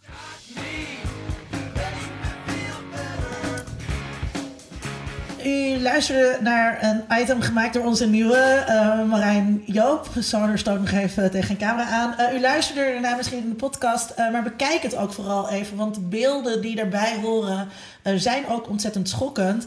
en daar... Term, schokkend, ja. Schokkend, ja. Oh, ja pan, not internet, maar prima pan van mezelf. Um, ik, ik, wil het daar eigenlijk vooral over hebben. Over hoe die representatie van uh, elektroshocktherapie, maar ook lobotomie, eigenlijk heel uh, dus een kritische representatie uh, is mhm. geweest. Wat ook heeft gezorgd voor emancipatie mm -hmm. en voor veranderingen in die mhm. zorg. Mm. Ja, ja One Flew Over the Cuckoo's Nest. Ja, het is een film die door psychiaters gehaat wordt over het algemeen. Want het geeft natuurlijk geen fijn beeld. En natuurlijk was het ook in, ja, tot en met de jaren zeventig vrij nou ja, streng op zijn minst, uh, om dat te zeggen. Een andere film die daar ook heel uh, mooi over is, over dit, ditzelfde soort beeld, is uh, Shock Corridor van Sam Fuller. Dat is ook een hele mooie film om in dit opzicht te, te bekijken. Maar um, Um, ja, wat, uh, het beeld van, uh, van uh, Jack Nicholson, dat is natuurlijk. Um, ja, het zit, het zit ook in mij. Het is ook een van de eerste films die ik mij kan, kan herinneren. Ook met de klas. We gingen er ook met de klas naartoe. Um, het klopt dat, ze, dat, dat dit op deze manier absoluut niet meer wordt, wordt toegepast. En dat het wel nog steeds een middel is wat soms tegen depressie wordt ingezet en effectief is. En er zijn, maar er zijn nu ook uh, minder invasieve middelen nog, zoals transcraniale stimulatie. Dat is dus van buiten op de schedel kan er ja, een soort, een soort ja, je hebt deep brain stimulation, dat is eigenlijk binnenin. Dat is meer voor. Uh, maar dat zijn dan een soort trillingen of zo? Die, ja, het is een soort elektro. Uh, ja, massage. Massage zou je het kunnen noemen. Wat schijnbaar ook echt heel erg goed en effectief, met name tegen depressies, werkt. En waarvan het effect ook redelijk blijvend is. Of misschien moeten mensen nog een keer terugkomen. Ik sprak toevallig net met een neuroloog in, uit Maastricht die daarmee mee bezig is. Dus deze erge vorm heeft al allerlei mildere vormen en ook beter toepasbare vormen inmiddels ja, nou, maar denk je ook dat die representatie van uh, dat die representatie in film oh ja. bijgedragen heeft aan, aan die emancipatie? Ja, nou dat, dat wou ik even nog zeggen. Want inderdaad, deze film, um, uh, One Floor Over the Cuckoo's Nest... 76 mee. 76 was ook een film die eigenlijk um, aan het ja, verbonden wordt met de kritiek op de psychiatrie als instantie in een grote beweging die al in de jaren 60 opkomt, maar zeker ook in de jaren 70 en nog is, en dat is de antipsychiatrie. De gekke beweging ook wel, een nieuwe sociale beweging, zoals je die in die tijd had, net als de vrouwenbeweging, gericht op identiteitspolitiek. Ja. Wij gekken, wij verzetten ons tegen, wat Sam ook zei, de taal van de behandelaars. Ja, en het was niet... Het regime van de behandelaars. Het waren ook uh, psychiaters zelf, hè, die, die uh, op een... Uh, R.D. Lang is de, al, de allerbelangrijkste psychiater, die um, het niet eens was met dit soort uh, behandelingen en die institutionele uh, gevangenschap eigenlijk. En uh, er werden toen in die tijd veel experimenten gedaan met open huizen of huizen waar mensen gewoon zelf konden wonen. Daar is, zijn ook een paar heel interessante films over gemaakt. Um, Felix Guattari is ook zo iemand die met uh, Deleuze veel heeft uh, samengewerkt, maar hij was psychiater in La Borde. Dat was ook een soort open instelling. Ook in Nederland gingen de poorten van de instelling letterlijk uh, open. En dat leverde ook wel wat op. Het leverde ook weer problemen op. Want ja, want de instituten Soms die heb je eigenlijk apart houden. ja, soms. nog ja. steeds uh, van die prachtige instituten in de bossen, maar vooral ver weg gestopt. En, die, Ja. en, en toen kwamen ze weer terug in de samenleving zelf. Dat was toch ook de. Nou, dat is, heb je eigenlijk, dat is nog later. Dat heb je eigenlijk nu veel meer eh, aan de hand. Dat mensen gewoon weer terug. En je ziet ook dat dat soms ook problemen oplevert met mensen die in een psychose brand stichten of eh, whatever. En dat is, dat, heeft wel, dat is wel gevaarlijk voor, voor de maatschappij en voor de mensen zelf. Ehm, maar die, in die antipsychiatriebeweging ging het ook in de eh, instituten zelf. Weet je, om, en de, eh, de houding werd ook anders. In plaats van nor- normen opleggen en zorgen dat, dat je ja, weer terug kunt eh, gekneed de maatschappij in, was het meer, dat was een, Felix Guattari schrijft daar heel mooi over, dat er gezocht werd naar wat, wat is nou, wat kun je allemaal wel? Ja. Weet je? Eh, wat, wa- en wat betekent het als jij zegt: Ik voel dat ik een typemachine ben, of ik voel dat ik God ben? Of, ehm, en in hoeverre is dat nou gevaarlijk of niet? Hoe, in hoeverre is dat prima? Want nou ja, eh, d- dus dat, dat was waar die antipsychiatrie onder andere ook eh, eh, naar op zoek was. Om gewoon meer ruimte te creëren voor ehm, het non-normatieve. eh, Of het normatieve juist een beetje eh, op te rekken. En One Flew Over the Cuckoo's Nest is eigenlijk, leeft eigenlijk een beetje op die beweging mee die toen al een tijd gaande was. Ja, het is een uiting van de kritiek, zeg maar. Ja. eh, eh, die toen al een tijdje bezig was. En die ook al een heel ander soort beweging, die antipsychiatrie. eh, ja, dat was er gewoon al. We hebben het net al even gehad over hoe eh, verbeelding van gekte in populaire cultuur op dit moment, bijvoorbeeld bij Carrie Matthews en Homeland, een soort begrip kan kweken voor hoe het is om zo'n ehm, eh, om daarmee eh, te maken te hebben. Eh, ik heb ook het idee dat we zitten natuurlijk in the third golden age of television, waarin we veel gelaagde slechterikken op televisie zien. Eh, Tony Soprano bijvoorbeeld, die ook echt naar de, ik weet niet of ze psycholoog of psychiater is, Ja. Gaat om over zijn problemen te praten. Eh, is, is, is dat iets van de verbeelding van gekte nu dat we ook de slechterik willen eh, ehm, pathologiseren en we willen hem ook doorgronden en psychologiseren en begrijpen? Ja, en misschien zelfs ook een beetje romantiseren. Want dat is wel, eh, dat zie je ook met Carrie wel. En met veel, eh, ja, ja, het is toch ook een beetje de geniale gek. Want het is toch een soort bijna magic eh, effect. Als ze van haar medicijnen afgaat, ziet ze opeens hoe het zit. Dus dat is een beetje de andere kant van, de, eh, van het verhaal. Tegelijkertijd dat zij gewoon wel functioneert en een baan heeft, dat is al een hele grote stap voorwaarts eh, ten opzichte van stop ze of in het gekkenhuis of in een horrorfilm. Hè? Dat, want dat was een beetje het domein Stop ze in waar we huis of in een horror. ja, dat was waar, waar je gekken tegenkwam. Maar dat is, dat is dus, dat, dus dat is een verbetering, zeg maar. Maar eh, er zit iets van een romantisering in. En ook al die bad guys die we nu in wiens hoofd wij kunnen eh, zien. Ik heb een artikel geschreven over Dexter bijvoorbeeld. Dat is ook zo'n. En dat is ook iets wat ik me wel afvraag hoor. Daarbij, dat is nog wel onderzoek ook waard. Ja. Om te kijken wat dat dan ook met ethiek en, eh, en ja, het opschroeven van eh, de norm eh, te maken heeft. Nou, maar zeker. In de, er, Ja. er is natuurlijk de, de hele strijd tegen Big Pharma. Er wordt heel vaak gezegd eh, dat allerlei geestesziekten nieuwerwetse onzin is die op ons aangepusht wordt van, door Big Pharma. zodat we allemaal maar aan de medicijnen zijn. En eigenlijk moet je die dus weigeren. En Mhm. eh, die romantisering daarvan, van even een tijdje niet je medicijnen nemen, want dan ben ik creatiever. Dat Mhm. kan natuurlijk heel veel schadelijke gevolgen hebben. Het gaat een hele mooie aflevering van Crazy Ex-Girlfriend gaat daarover. Ja, ja. Dat zij dan Ja. ook zoiets heeft van, ja, ik doe het lekker zonder mijn medicijnen. En iedereen zegt, nee, het gaat helemaal niet goed. Maar je moet gewoon je medicijnen nemen, niet zo raar. Maar over die, die romantisering. Wat mij opviel is dat we. Je hebt, je hebt heel veel van. Ik kijk ze graag van die seriemoordenaars. eh, documentaires, vooral als eh, non-fictie zijn. Oh, ja. Maar wat mij daarin opvalt. Is eh, dat er tegelijkertijd was er een fictieserie gemaakt, maar wel gebaseerd op ware feiten, over profiling. Waarin er gesprekken werden gevoerd met serial killers. Het ook- Mindhunter was dat Precies. mij. Ja. en ehm, dus dat hele begrip serial killer wordt daar eigenlijk uitgevonden. En er wordt meer ruimte gegeven, ook voor mensen die taalkundig onderzoek doen.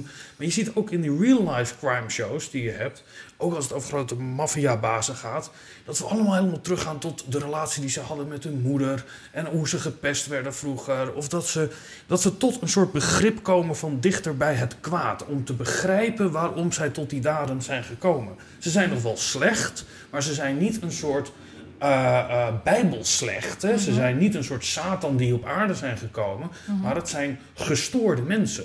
Het zijn mensen die ergens along the way beschadigd zijn geraakt, waardoor ze tot dit soort dingen zijn gekomen. Dit is een heel Ja. mooi bruggetje eh, naar wat ik, eh, wat ik had opgeschreven voor het, voor het beantwoorden van de vraag. Dit is een quote van jou, eh, Patricia. Eh, eh, zoals je de hersenen bestudeert om het denken te begrijpen, zo kun je de media bestuderen om onze verhouding tot het leven eh, te begrijpen. En dat is eigenlijk een beetje wat Vincent zegt. Wij willen graag via de media het kwaad kunnen begrijpen. Willen via de media ook gekte kunnen begrijpen. Kunnen we dat? Ja, tot op zekere hoogte. Hè. Kijk, het, het, leven en, en, en eh, alles blijft vol verrassingen en alles, alles gaat voortdurend door. Dus we blijven ook een beetje achter de feiten telkens eh, aanlopen. Maar ik denk, ja, een deel van wat de charme is van fictie en, en ook wel van non-fictie, die jij, eh, is, is inderdaad dat we het wel proberen dichterbij een begrip te komen van wat er allemaal kan gebeuren in een hoofd, in een mens, in een, eh, in een leven. En, en bij heel veel fictieseries, die, eh, ja, of het nou gaat over Breaking Bad of Dexter of eh, al die andere seriemoordenaars. eh, wij- ehm, daar, daar zit een, een grens, denk ik, ergens tussen het begrijpen. En oké, dat, dat, dat snappen. Dus dan zou je kunnen zeggen dat moeten we dus gebruiken om te voorkomen dat iemand niet eh, op een of andere manier zo getraumatiseerd raakt, wat dan ook. En tegelijkertijd ook die fascinatie ervoor. En, en het is ook echt gewoon. Wow, ik, kan mezelf herinneren bij Breaking Bad bijvoorbeeld. Dat ik een moment had op. In het begin snap je helemaal wat dat hij doet. eh, ja, waarom hij doet wat hij doet. Eh, want ja, hij, iedereen wil ook van zo'n. Nou ja, het was toch een soort lulletje rozenwater. Ja, ja, nou, Die dan opeens, omdat hij toch niks te verliezen heeft, want hij denkt dat hij doodgaat en hij wil voor zijn kinderen zorgen, crystal meth gaat maken. En hij kan het nog goed ook. Dus dat, dat, dat, kun je allemaal goed volgen. Maar dan is het toch ergens, ik weet niet meer in welke aflevering, vrij laat, komt er een moment dat je denkt: oh, wacht even, maar nu, nu, nu, ehm, nu is eh, al dat trauma wat je hebt gehad. Niet meer de reden waarom je dit kan doen Ja. en maar kan verantwoorden. Is dat ook het verschil tussen eh, de Duitse termen verstehen en erklären? Dat we eh, eh, heel goed bepaalde dingen kunnen eh, begrijpen, maar dat is niet altijd meer een verklaring. Nou, het is misschien eerder een. Want dat wordt vaker ook wel gezegd. Als je probeert iemand te begrijpen, ook in de rechtbank of zo. Rechtbankdrama vind ik ook om die reden wel heel interessant.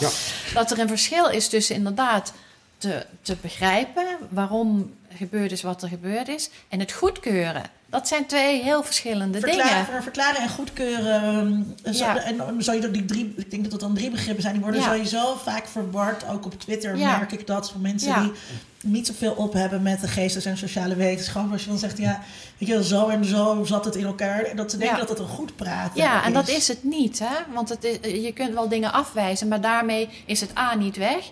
En B, waarom zou je het niet be- willen begrijpen? Want als je het niet begrijpt, kun je er ook nooit op een of andere manier ehm, uitkomen of een oplossing voor vinden of, of wat dan ook. Maar er zijn natuurlijk heel veel mensen, ik moet met- meteen denken aan pedofilie, die absoluut niet willen begrijpen. eh, en die er niks van willen weten. eh, en en Ja. die dus eigenlijk in die zin ook geen oplossing wensen. Die willen het gewoon wegdenken. Ja, maar dat kan dus helaas niet. Maar ik snap wel dat dat is, is, dat is dat kun je nooit goedkeuren. Ja.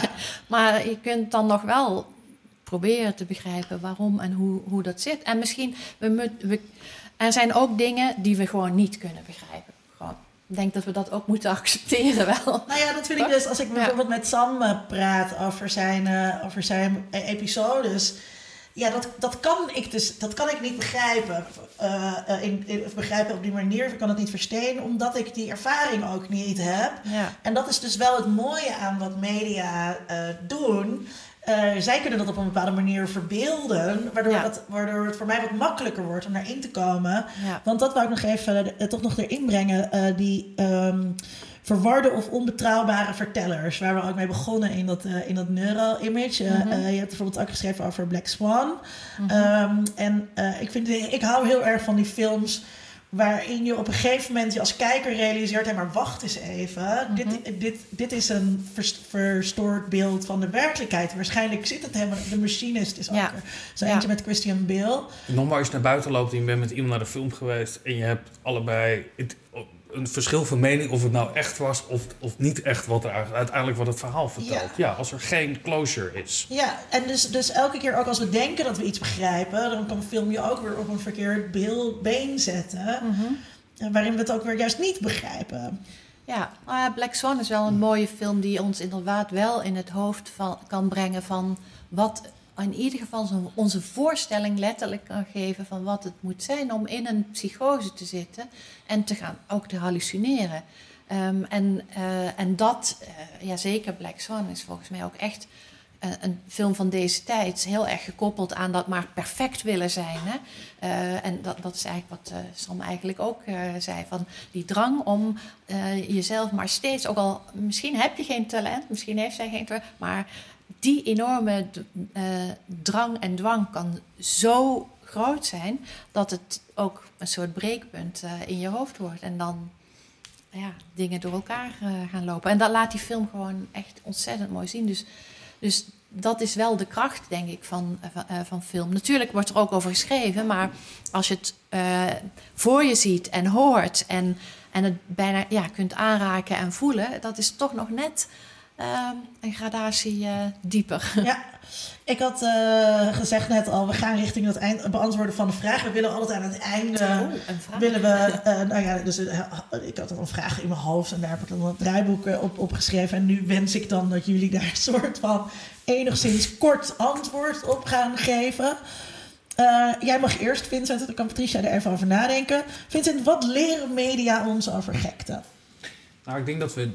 We hebben dat wel geschetst dat we eigenlijk wel steeds beter zijn geworden. Of tenminste dat de media steeds beter zijn geworden om de nuance daarvan eh, te laten zien. Eh, eh, en dat de, veelheid daarvan. En er is ook aandacht voor. Dus dat leren we er wel van. Ehm, een beetje in het verlengde daarvan wat we net zeiden. Ik vind het wel heel zorgelijk dat als jij een afwijkende mening hebt, de media je eigenlijk, als we daarvan niet meer zullen corrigeren. Omdat je een enorme confirmation bias hebt door je eigen veronderstellingen. Daar kan je niet alleen de informatie bij vinden die jou gelijk geeft. Je vindt er ook de mensen bij die je daarin gelijk geven. Dus wat wij leren over eh, waanzin eh, door de media, dat is misschien wel interessant. Maar de, diezelfde media die kunnen ook onze waanzin heel erg voeden en niet corrigeren en juist bevestigen. Dus ik denk niet dat de media dat je hier kan spreken van een goede of slechte rol erin, maar wel een alomtegenwoordige rol in het denken over onszelf. Dat is de, de bubbel ook, hè, waar jij het over hebt. Dat, dat- Ja, nou, het, het- ja, het is niet alleen een. Ja, ik vind een bubbel vind ik altijd. Een, het- Daar dat lijkt één. een Ja, aflevering over, beste Ja. dat, dat, dat, Ja. dat lijkt zo één dat die- homogene groep dan te Dat die zijn, maar bubbels dat niet die. bestonden, Vincent, weet Nee, je nog? dat wil ik net zeggen dat die beelden gaan steeds door elkaar heen lopen. Ehm, worden steeds groter. nou, ik zag even aanraden voor de luisteraars. een mooie documentaire over de Flat Earthers. Daar zitten ook weer groepen in die anders Ja. nadenken. Want de ene denkt dat er een koepel is. En de andere denkt nee, dat is een oneindigheid.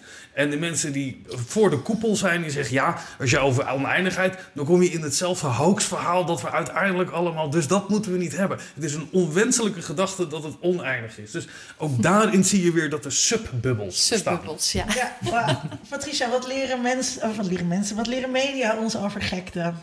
Nou, ik denk twee dingen. Eh, historisch gezien leren media ons dat eh, wat, wat wij als gekte eh, definiëren ehm, totaal verschillend is in, in, per decennia ongeveer. En dat Eh, is zo belangrijk dat mensen zich dat realiseren, dat dat, dat geen constanten ja, zijn. ja, ik denk echt als je naar de geschiedenis van film eh, kijkt, kun je ook daarnaast parallel de geschiedenis van de psychiatrie lezen. Ehm, en, en ook in de fictiefilms. Dus niet alleen maar films die uh, horrorfilms zijn of in psychiatrische inrichtingen. Maar dat is, ja, dat is een enorm um, resonerend uh, netwerk, zeg maar. dus dat is, dat is één ding. En het andere is denk ik dat media inderdaad heel goed in staat zijn om die subjectieve ervaring door te geven. En nogmaals, literatuur kan dat ook. Maar ah, uh, hè, dat je lezen. Vorige keer ging het ook over literatuur in onze podcast. Ja, ja nee, maar goed. Uh, die, heel veel films kunnen ons echt die ervaring van dat innerlijke uh, Ik denk ook beter juist dan, dan, een, dan een film. Om, juist dan beter dan een boek. Omdat je in een boek uh, ben je met je eigen verbeelding bezig. En film kan natuurlijk juist in de combinatie van beeld en muziek en perspectief wat je krijgt. Uh, uh, distortion. het is onmiddellijker, inderdaad. Het is veel directer. En daardoor, als je het dan hebt over gek, dan is er ook geen ruimte, weinig ruimte om um, je eigen dingen daar nog bij te verzinnen. En dat is, daardoor werkt het dus ook heel sterk. En kan het ook heel echt benauwend en beangstigend zijn om zo'n film te zien. Laat staan dat je in ja, daar zelf in zit en er niet uit wordt dat komen. nog met VR als dat zich verder ontwikkelt? Volgens nou ja, kijk, VR wordt ook uh, uh, veel gebruikt in therapie. Hè? Want het, omdat het zo sterk uh, directe invloed heeft en onmiddellijk is, uh, werkt het schijnbaar bij heel veel verschillende soorten aandoeningen ook heel goed om uh, VR-behandeling te hebben. Dus ook dat is wel een heel interessant. Dat is een heel spannend idee. Ja. Kunnen jullie ook nog even op de valreep speculeren over uh, wat, wat zou dan het, het effect zijn van zo'n intieme podcast in je oor luisteren? Ja, die zijn er toch? Ja, ja, ja, ja, dus ja, Mensen hebben net geluisterd Naar, naar deze Oh, naar deze podcast. Nee, maar ja, ik bedacht dat je die whisperpods uh, noemt. Oh, die, die, die, fluisterstemmen die in je oor, uh, jou, die je s'nachts op kunt zetten. Oh, zo, ja, dat heb je ook. Ja, ja, ja, ja, ja, ja, ik dacht dat je die nee, bedoelde. Nee, ik bedoel echt, want wat, wat wel um, uh, typisch is aan hoe mensen podcast luisteren, dat is radio staat altijd gewoon ergens aan op een speaker. En podcast luisteren mensen bijna altijd echt met een koptelefoon of oortjes. Ja. Wat het veel intiemer maakt. Dus zou dat dan ook nog tot een soort nieuwe geestesziekte leiden? Nou, ik luister vaak podcasts als ik ga slapen. En mhm. dan is het wel eens dat als je in zo'n slaap waak... Mhm. dat ik gewoon de helft van de podcast de volgende dag er ongeveer bij verzonnen heb. Uh, ik luister naar The Daily van Michael Barbaro, een prachtige stem. En dat gaat eigenlijk gewoon door. Dus dan heb ik wel eens gehad. En misschien heb je dat nu ook wel, luisteraar. Dat je nu de stem voor mij hoort. Oh. En misschien droom je wel, misschien is het helemaal geen podcast. Ik heb het nee. over jou. Ja, ja. ja, ja. Uh, dat, dat, dat dat zo door. En dat, dat, dat kan, kunnen podcasts heel goed. Nou, kijk, er zijn natuurlijk veel stemmen die gehoord worden. Ook in uh, schizofrenie bijvoorbeeld. Ik weet niet, ik heb daar ook geen onderzoek naar gedaan. of dat ook echt met podcasts uh, te maken heeft. Maar wie weet. Maar dat, dat zou ik niet, die uitspraak zou ik niet durven te doen.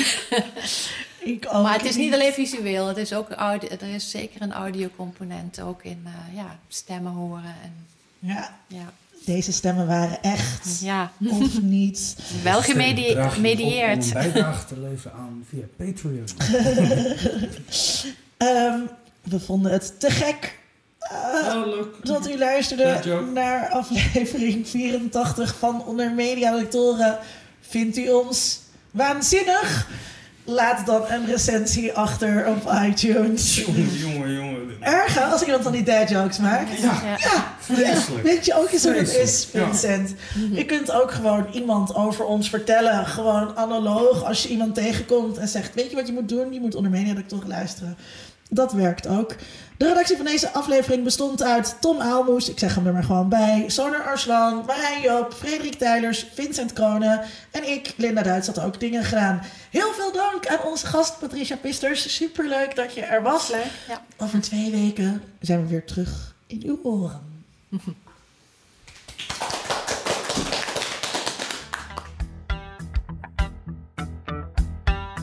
Onder Mediadoktoren is een podcast van Vincent Kronen en Linda Duits. Meer informatie vindt u op ondermediadoktoren.nl